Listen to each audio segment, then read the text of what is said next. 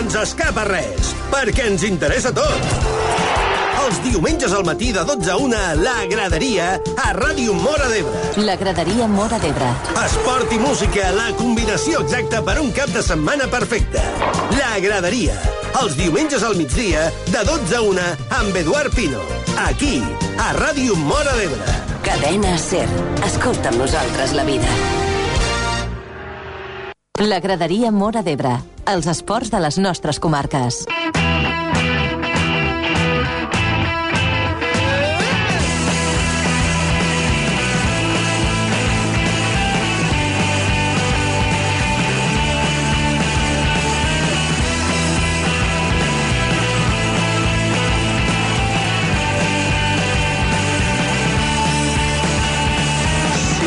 Hola, què tal? Molt bon dia. Avui és diumenge 30 de març. Són les 12 i gairebé dos minuts. Benvinguts en una nova edició de la graderia. Des d'ara mateix i fins a la una del migdia que estarem amb tots vosaltres al magazín esportiu dels diumenges al migdia a la sintonia de Ràdio Mora d'Ebre a la cadena SER. Ràpidament, com sempre, comencem repassant el nostre sumari per avui i arrenquem amb el programa d'aquest diumenge.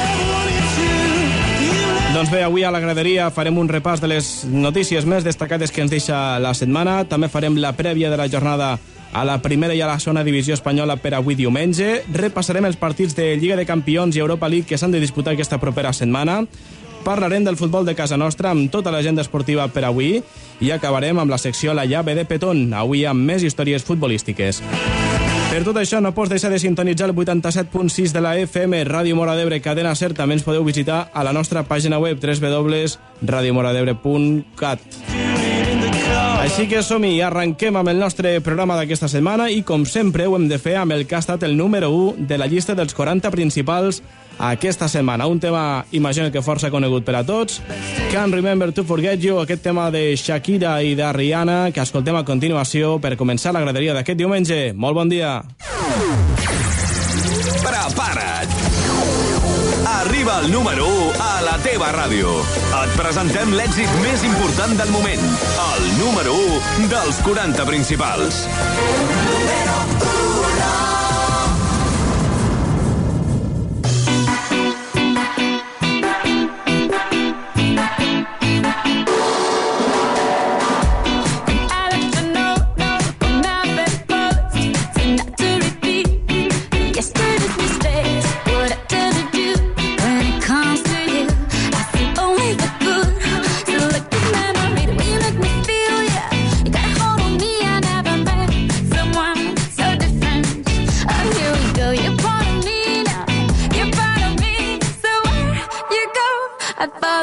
Follow, follow,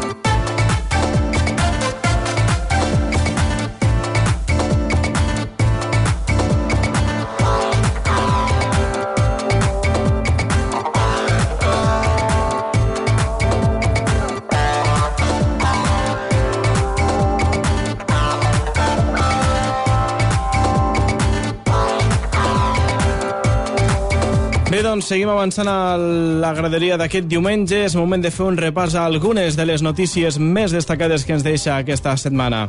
I és que el Barça oferirà a Víctor Valdés renovar si la lesió que va patir contra el Celta el priva de fitxar per un altre equip. Si es produís aquest escenari, el Barça estarà al costat del jugador i li farà arribar una nova proposta per a continuar al Camp Nou al club laurana, però són conscients que la decisió és del porter, que fa més d'un any que té la idea de marxar del Barça i, per tant, creuen que aquest escenari és poc probable.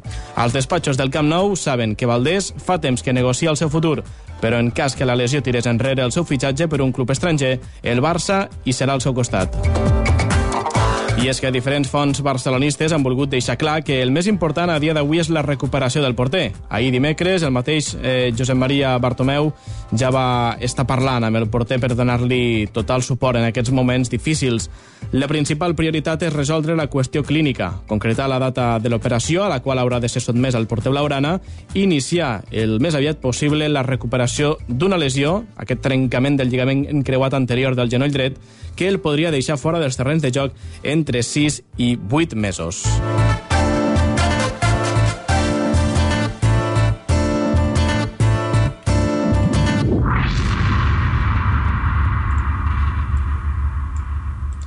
Però aquesta notícia no és l'única que tenim per avui a la graderia. Sens dubte és una molt mala notícia la, la, la lesió de Víctor Valdés, que es perdrà tot el que queda de temporada amb el Futbol Club Barcelona. Per tant, el Barça que haurà de confiar en Pinto sota pals pel que queda de Lliga aquestes darreres jornades, on el Barça s'hi juga a la Lliga, òbviament, va segon per darrere de l'Atlético de Madrid, també té per endavant la Lliga de Campions i la final de la Copa del Rei, que, això sí, estés lesionat o no Víctor Valdés, Pinto la jugaria igualment com a titular de la competició de la Copa del Rei. Tenim més notícies. El jove futbolista croat Alen Halilovic, oficialment nou fitxatge del Barça per la temporada següent, ha assegurat que està molt feliç i orgullós de poder jugar en un club en el que, segons el mateix esportista, sempre s'ha estimat. El Barça és una cosa especial per a mi, va dir el jugador. El club que estimo des de que vaig començar a entrenar el futbol. El migcampista, de 17 anys, considerat com un dels jugadors croats més prometedors, ha assegurat, però, que mai s'oblidarà del Dinamo de Zagreb, el seu actual club, i en el qual seguirà jugant fins a final de temporada. L'entrenador del Dinamo, Zoran Mamic, ha opinat que es tracta d'un gran pas per al futbol croat. El fitxatge d'aquest jove jugador que en principi començarà la propera temporada al filial blaugrana, és a dir, a segona divisió amb el Barça B.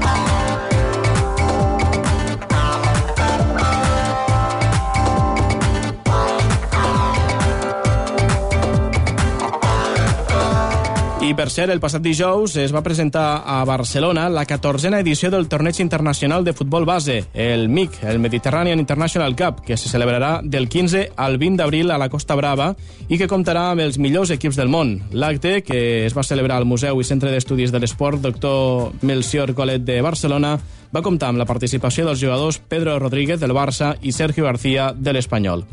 I és que més de 200 equips procedents d'arreu del món participaran en aquesta edició del torneig que reforça el seu component internacional. En aquesta edició hi seran representades 35 nacionalitats i participaran al MIC equips procedents dels 5 continents. Com a novetat, respecte a l'edició anterior, el MIC comptarà amb equips procedents de Dubai, de Dinamarca, d'Egipte, de Gabon, de Suècia i les Antilles franceses. Per aquesta edició, el MIC fa una aposta per a les noves tecnologies i estrenarà l'aplicació MIC Live, que oferirà una nova manera de viure el torneig des de qualsevol lloc del món. Les persones que es descarreguin l'aplicació, que estarà disponible per a iOS i Android també, i també, òbviament, a través de la pàgina web, podran conèixer en temps real des de les classificacions a les alineacions, passant per les estadístiques de cada jugador durant el torneig. És una de les novetats d'aquest eh, torneig, un dels tornejos de futbol base més importants del món, que recordin està sota la direcció de Juanjo Rovira, el tortosí Juanjo Rovira, que també podrem parlar ben aviat amb ell aquí a la ràdio. Bé, doncs aquestes són algunes de les eh, notícies més destacades que ens deixa aquesta setmana. Nosaltres fem una petita pausa per escoltar una mica més de música aquí a la graderia i tornem de seguida amb més notícies, que encara en tenim alguna més.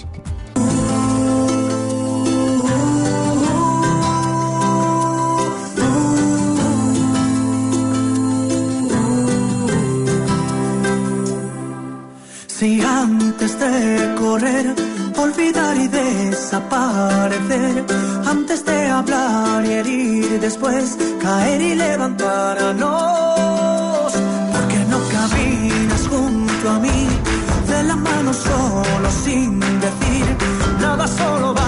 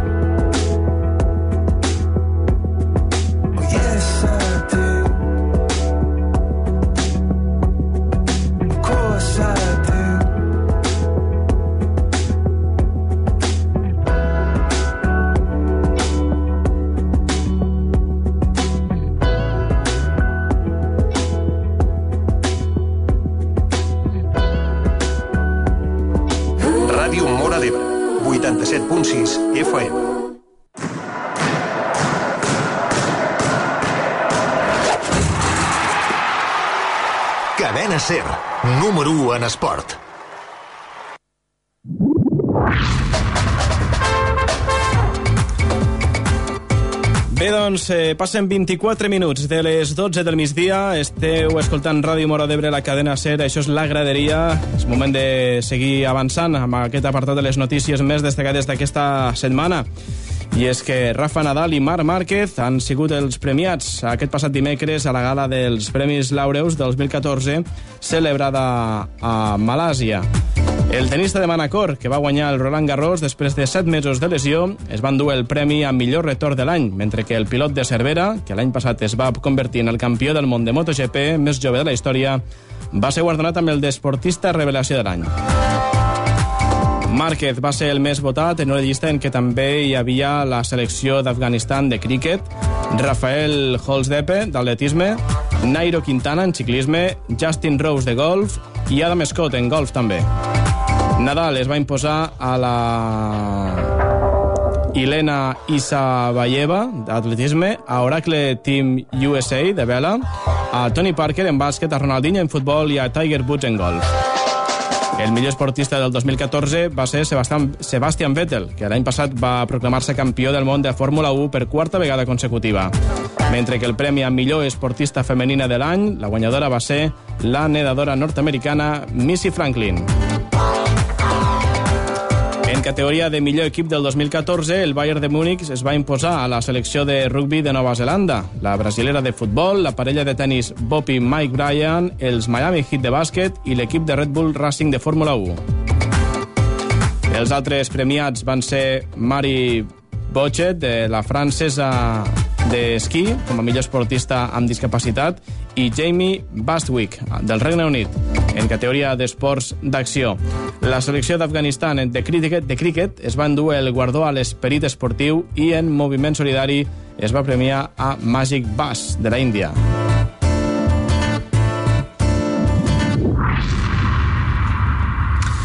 I tenim més notícies perquè la UEFA posarà en marxa a partir del 2018 una nova competició, una Lliga de Nacions, que segons ha explicat el secretari general Gianni Infantino després de les reunions del comitè executiu a Astana.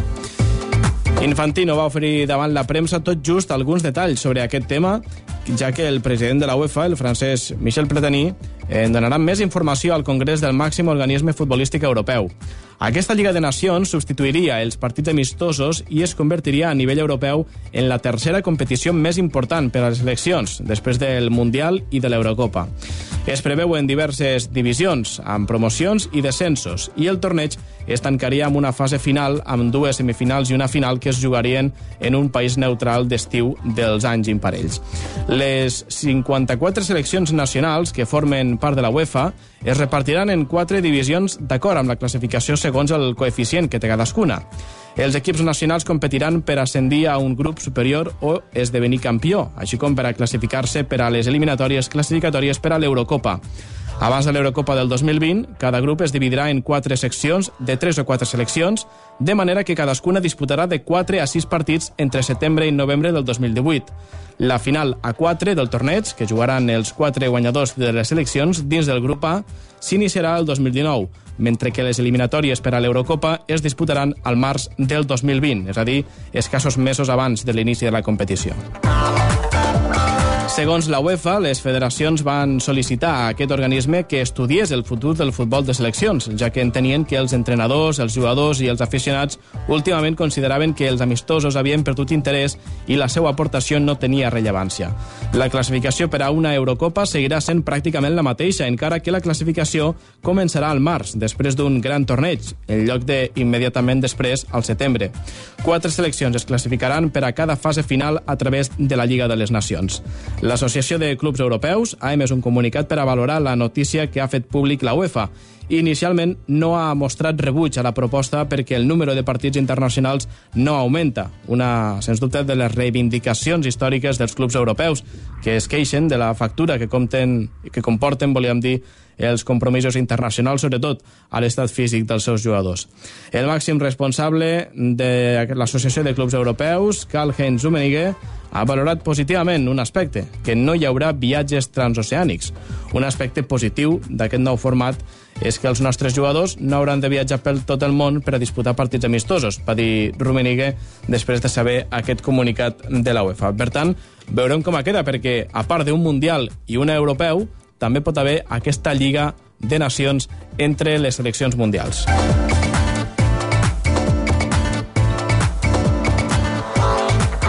Bé, doncs, i amb aquesta notícia arribarem ja a dos quarts d'una del migdia, per tant, posem ja el punt i final al bloc de les notícies més destacades d'aquesta setmana. Una mica més de música a la graderia i tornem altre cop amb tot el que ens espera per al futbol de la Lliga de Campions aquesta propera setmana, també a la primera i a la segona divisió espanyola que s'ha de jugar avui diumenge, també el futbol de casa nostra i, com no, la part final de la graderia la dedicarem a la llave de petón, com sempre, que posarà la cirereta del pastís en el nostre programa. Així que fem una petita pausa, escoltem més música a la graderia i tornem de seguida. Estan escoltant La Graderia a Ràdio Mora d'Ebre a la cadena SER.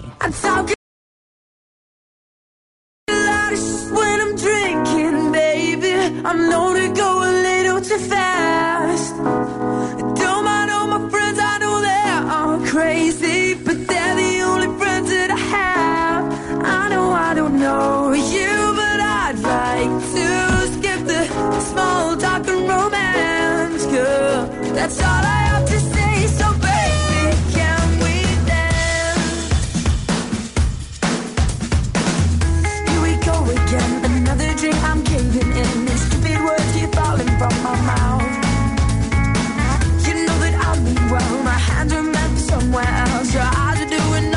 but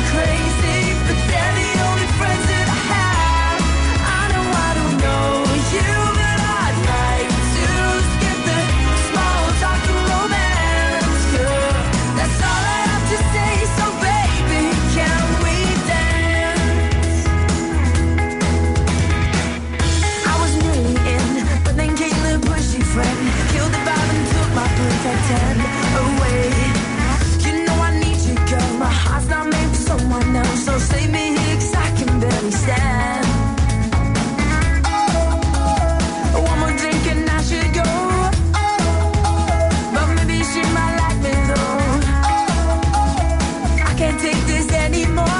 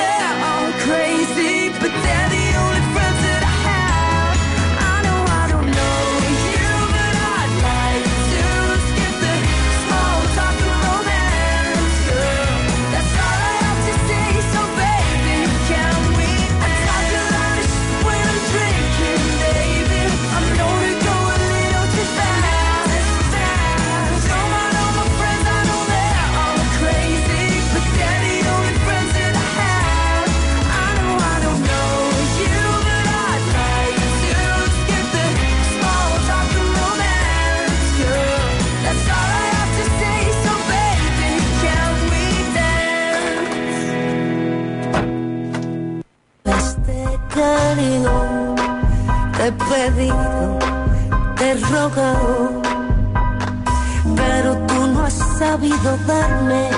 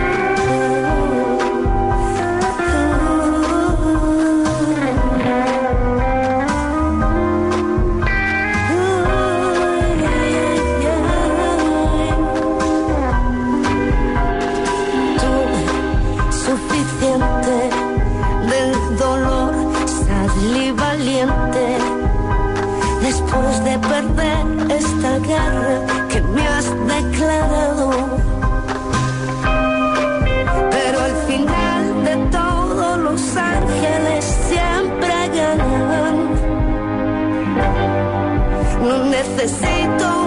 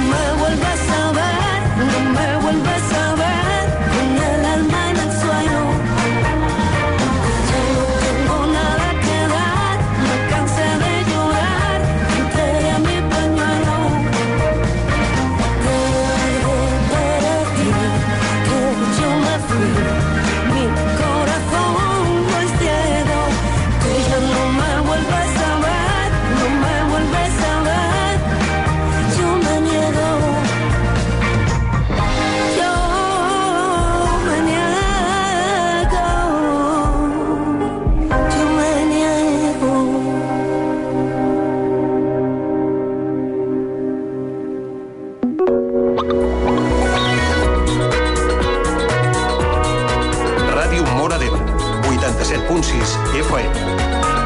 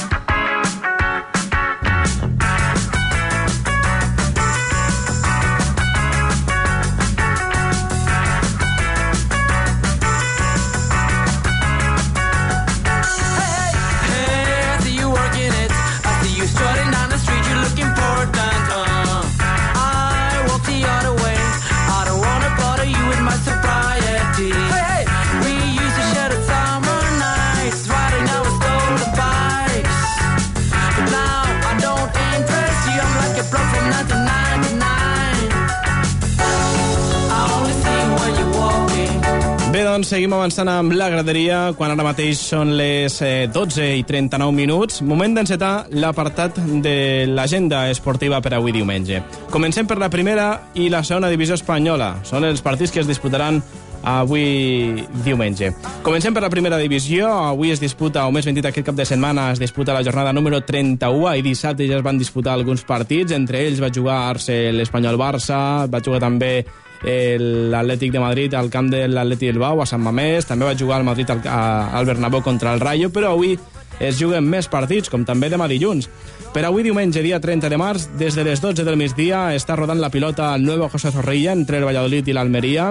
A les 5 de la tarda es jugarà l'Osasuna Real Societat, a les 7 Vila Real Elx i a les 9 de la nit València-Getafe. De cara al dilluns, a demà dilluns, dia 31, a les 8 de la tarda es juga el Granada-Llevant i a les 10 de la nit el Betis-Màlaga.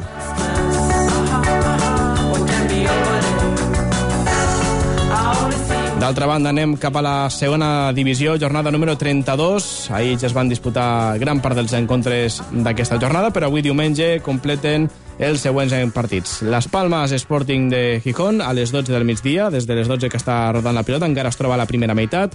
A les 5 de la tarda juguen tres partits, el Jaén Hércules, Girona Alcorcón i Sabadell Lugo, mentre que a les 6 i quart de la tarda es posa el punt final a la jornada 32 a la segona divisió amb el partit entre l'Alavés i el Saragossa.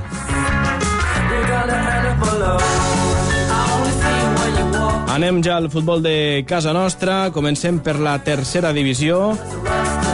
Avui jornada important per a l'Escó, no només pel partit que disputa avui, sinó també pel que representa tal dia com avui per al Futbol Club Escó. Serà una tarda festiva, sens dubte, des de les 4 de la tarda. Primer, amb la inauguració del camp annex, el camp de futbol de gespa artificial que s'inaugura avui. Després de la inauguració al camp municipal d'esports es farà la presentació oficial de tots els equips del Futbol Club Escó per aquesta temporada, mentre que després es farà un homenatge a Josep Cabassés. Després hi haurà eh, inflables, inclús un pica-pica i altres eh, activitats per a tothom, ja que a les 7 de la tarda, a les 7 de la tarda, avui diumenge a les 7 de la tarda es juga el partit entre l'Escó i el Manlleu, corresponent a la jornada número 31 del grup 5è de la tercera divisió nacional. És un partit importantíssim per a l'Escó, que ja sabrà el que hauran fet els seus perseguidors i els seus eh, contrincants per entrar en aquests llocs privilegiats de la tercera divisió, com són els play-offs d'ascens, aquestes primeres quatre posicions, i per tant que jugarà amb avantatge sabent el que han fet els altres equips, tot i que també podria ser que jugués amb una mica de pressió perquè passi el, depèn que el, que, del que passi, l'Escó podria quedar momentàniament fora dels play-offs d'ascens després d'haver estat durant tota la temporada. Però bé, a part de l'Escó Manlleu, previst per aquesta tarda a les 7, es juguen més partits, com és la Muntanyesa Terrassa, la Rapitenca Masnou, Palamós Cornellà, Vilafranca Sant Boià, Vilassar de Mar Europa, Rubí Cerdanyola del Vallès i Figueres Pobla de Mafumet. Aquests són els partits previstos per avui diumenge a la tercera divisió. Anem ja cap al futbol territorial. Anem a la segona catalana, grup 6è, jornada número 26. Ahir ja es van disputar alguns partits, però avui es disputen la resta, com és el cas de la Cava Cambrils, el Perelló Calafell, partit importantíssim per al Perelló contra el Cué, és a dir, el, el Perelló necessita els 3 punts per a seguir lluitant per la permanència, també es juga el Valls Vilaseca, Roda de Barà Ampolla, i també es juga la Canonja Gandesa, un partit que ha començat a 3 quarts de 12 del migdia i que està ja en la segona part, a punt d'iniciar-se la segona part de la Canonja Gandesa en aquesta jornada. Partit important també per al Gandesa. Anem ja cap a la tercera catalana, grup primer, jornada número 26. Ahir ja es va disputar el derbi entre les dues Mores, l'Olímpic Mora la Nova. Aquesta nit, a partir de les 10 a dins l'estadi, podran saber tot el que va passar. I a més a més, per avui diumenge es juga el Batea Ametlla de Mar, Vilalba Camarles, Aldeana Horta de Sant Joan, Flix Sant Jaume d'Enveja, Santa Bàrbara Remolins Vitembé i el Canave del Tebre. A més a més del derbi també, important aquest partit, avui a les 5 de la tarda, Corbera d'Ebre, Pinell.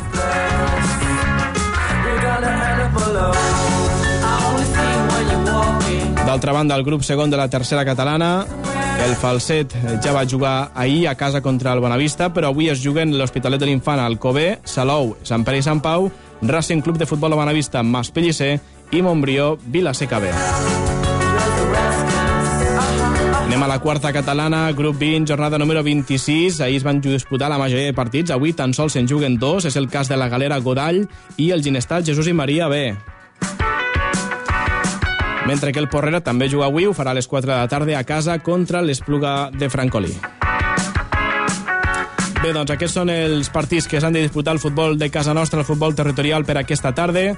I abans d'acabar aquesta secció, anem ja a fer un cop d'ull a la Lliga de Campions i a l'Europa League que reemprèn aquesta mateixa setmana, després de l'aturada de la setmana que deixem enrere. Recordem que aquesta setmana hem tingut doble jornada de futbol. La Lliga s'ha posat eh, diferent de com ho veiem el diumenge passat, i és que la veritat, la victòria del Barça al Camp Nou i la derrota del Madrid eh, contra el Barça, precisament, i a més a més eh, contra el Sevilla, el Sánchez Pizjuán deixa els blancs en tercera posició. Ara mateix el Barça depèn d'ell mateix per a guanyar el títol de Lliga, està a només un punt de l'Atlètic de Madrid que continua liderant la classificació, però falta saber què passarà en aquestes últimes jornades que queden de competició. Recordin que la última jornada es juga al Camp Nou Barça-Atlètic de Madrid, per tant, allò pot ser una autèntica final.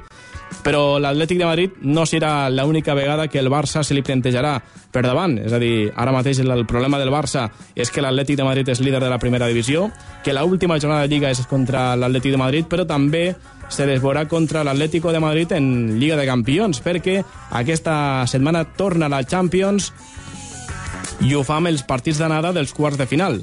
El dimarts, dia 1 d'abril, es juguen dos partits, seran el Manchester United Bayern de Múnich i el Barça Atlètic de Madrid, tots dos a tres quarts de nou, horari habitual de la Lliga de Campions, mentre que el dimecres, dia 2 d'abril, es juguen la resta de enfrontaments. És el cas del Real Madrid Borussia de Dortmund i Paris Saint-Germain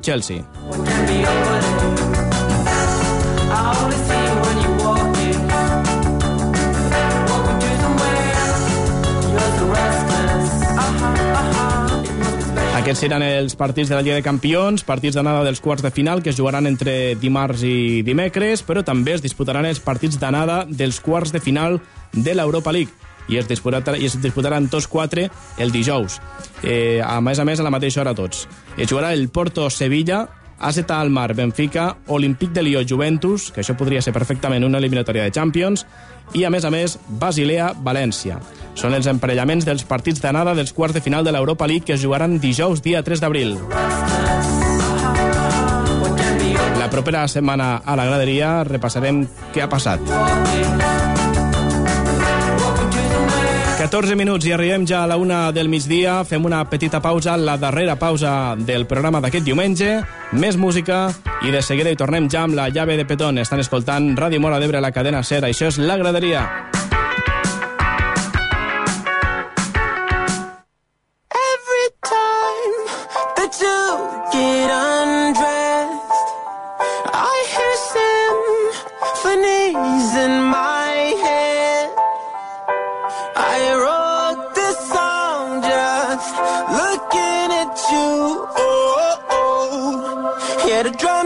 Swing low, and the trumpets they go. And the trumpets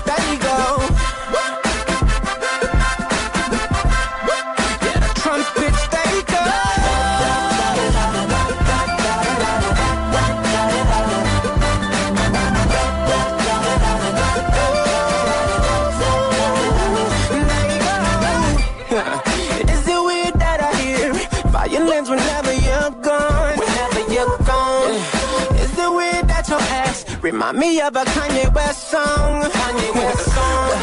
Is it weird that I hear trumpets when you're turning me on? Turning me on. Is it weird that your bra remind me of a Katy Perry song?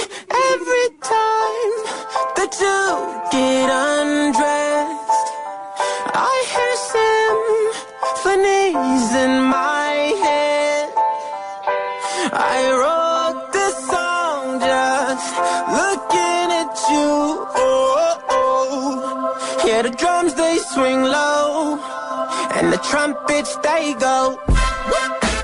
And they playing for you, girl. And the Trump bitch, they go. Uh, yeah. Yeah, the they go.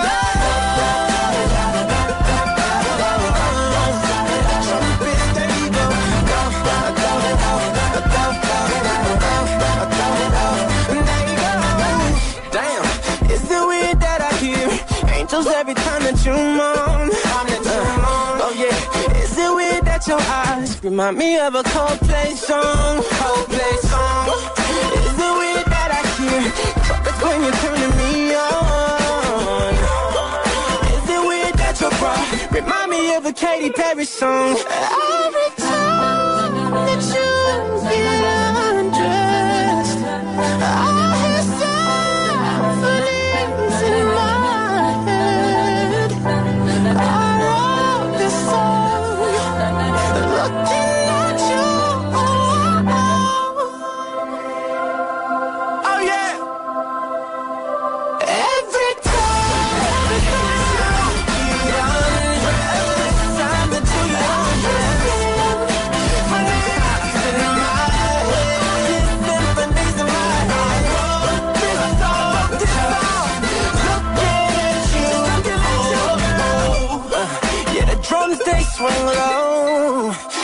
trumpets they go.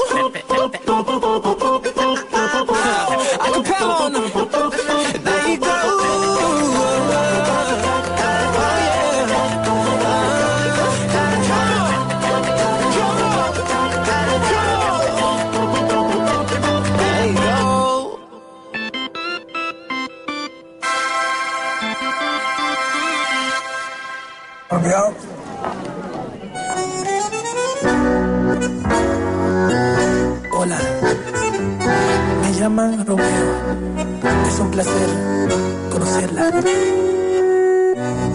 Qué bien te ves, te adelanto, no me importa que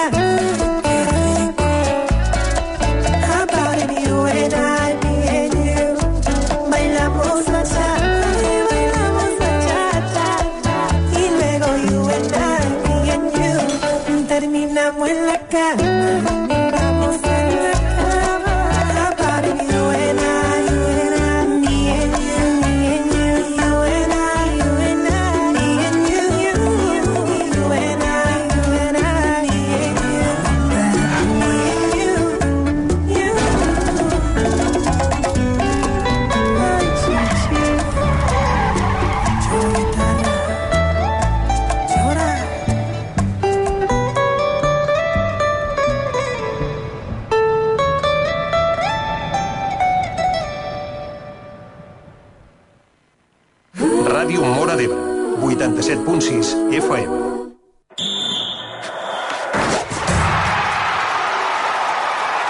Cadena Ser, número 1 en esport.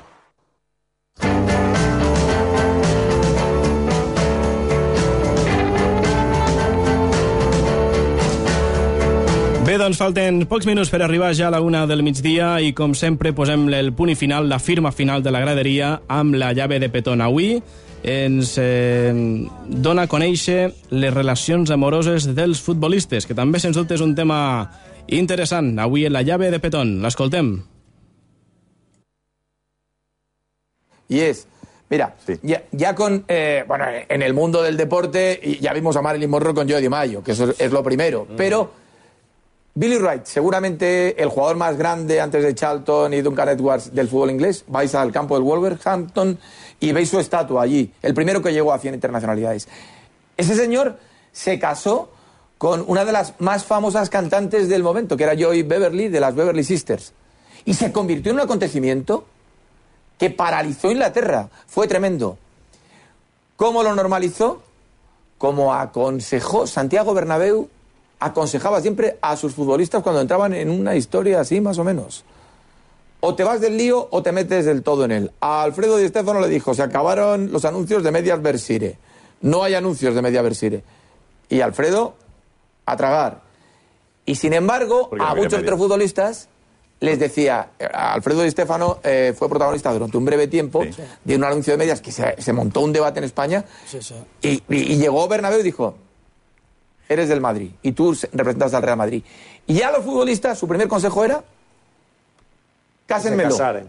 Que se casaran. Cásenmelo. Es decir, normalicen esta situación, pero del todo, como se normalizaba entonces. Muy antiguo esto, ¿eh? Como, claro, muy eh, tan antiguo como que, eh, por ejemplo, casi co- coetáneo, lo comentamos aquí un día, Lola Flores se lleva a Gerardo Coque, jugador del Atlético de Madrid, dos años de gira, de tercer guitarrista. Sí, señor. Y lo saca de su casa, de su matrimonio y del Atlético de Madrid y no vuelve a ser jugador porque se despista. Que ese es el riesgo.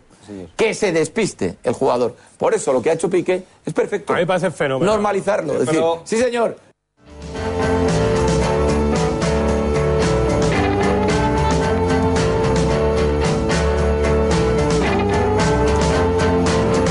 Bé, doncs fins aquí la llave de petón d'aquesta setmana.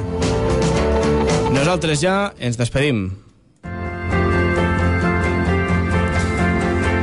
Com sempre, sempre va bé posar un punt i final amb una bona història d'aquestes que ens porta la llave de petón, en aquest cas avui un pèl diferent, però com sempre, perfecte. Recordin, nosaltres ho deixem aquí, però aquesta nit tenen una cita amb dins estadi, a partir de les 10, amb tot el que ha donat de si el cap de setmana esportiu de les nostres comarques. I a més a més, amb l'especial del derbi que es va disputar ahir dissabte. Tindrem els protagonistes també amb nosaltres aquesta nit, així que no s'ho perdin. És un programa d'aquells que han d'escoltar perquè també tindrem alguna que altra sorpresa, així que no s'ho perdin a partir de les 10 de la nit dins l'estadi. Gràcies per la seva companyia. Nosaltres tornem el proper diumenge a partir de les 12 aquí a la graderia. Que vagi bé, que acabin de passar un bon cap de setmana. Fotografías por las esquinas de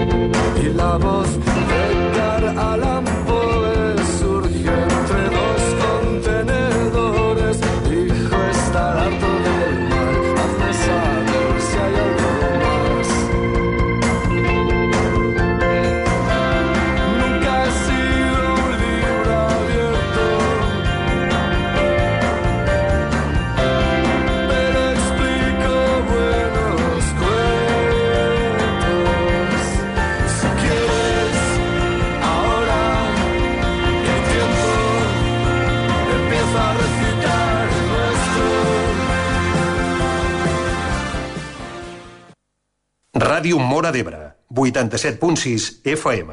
Cadena Ser Catalunya. Dins l'estadi, tots els diumenges a partir de les 10 de la nit, al 87.6 de la FM. També ho pots fer a través de la nostra pàgina web, radiomoradebre.cat.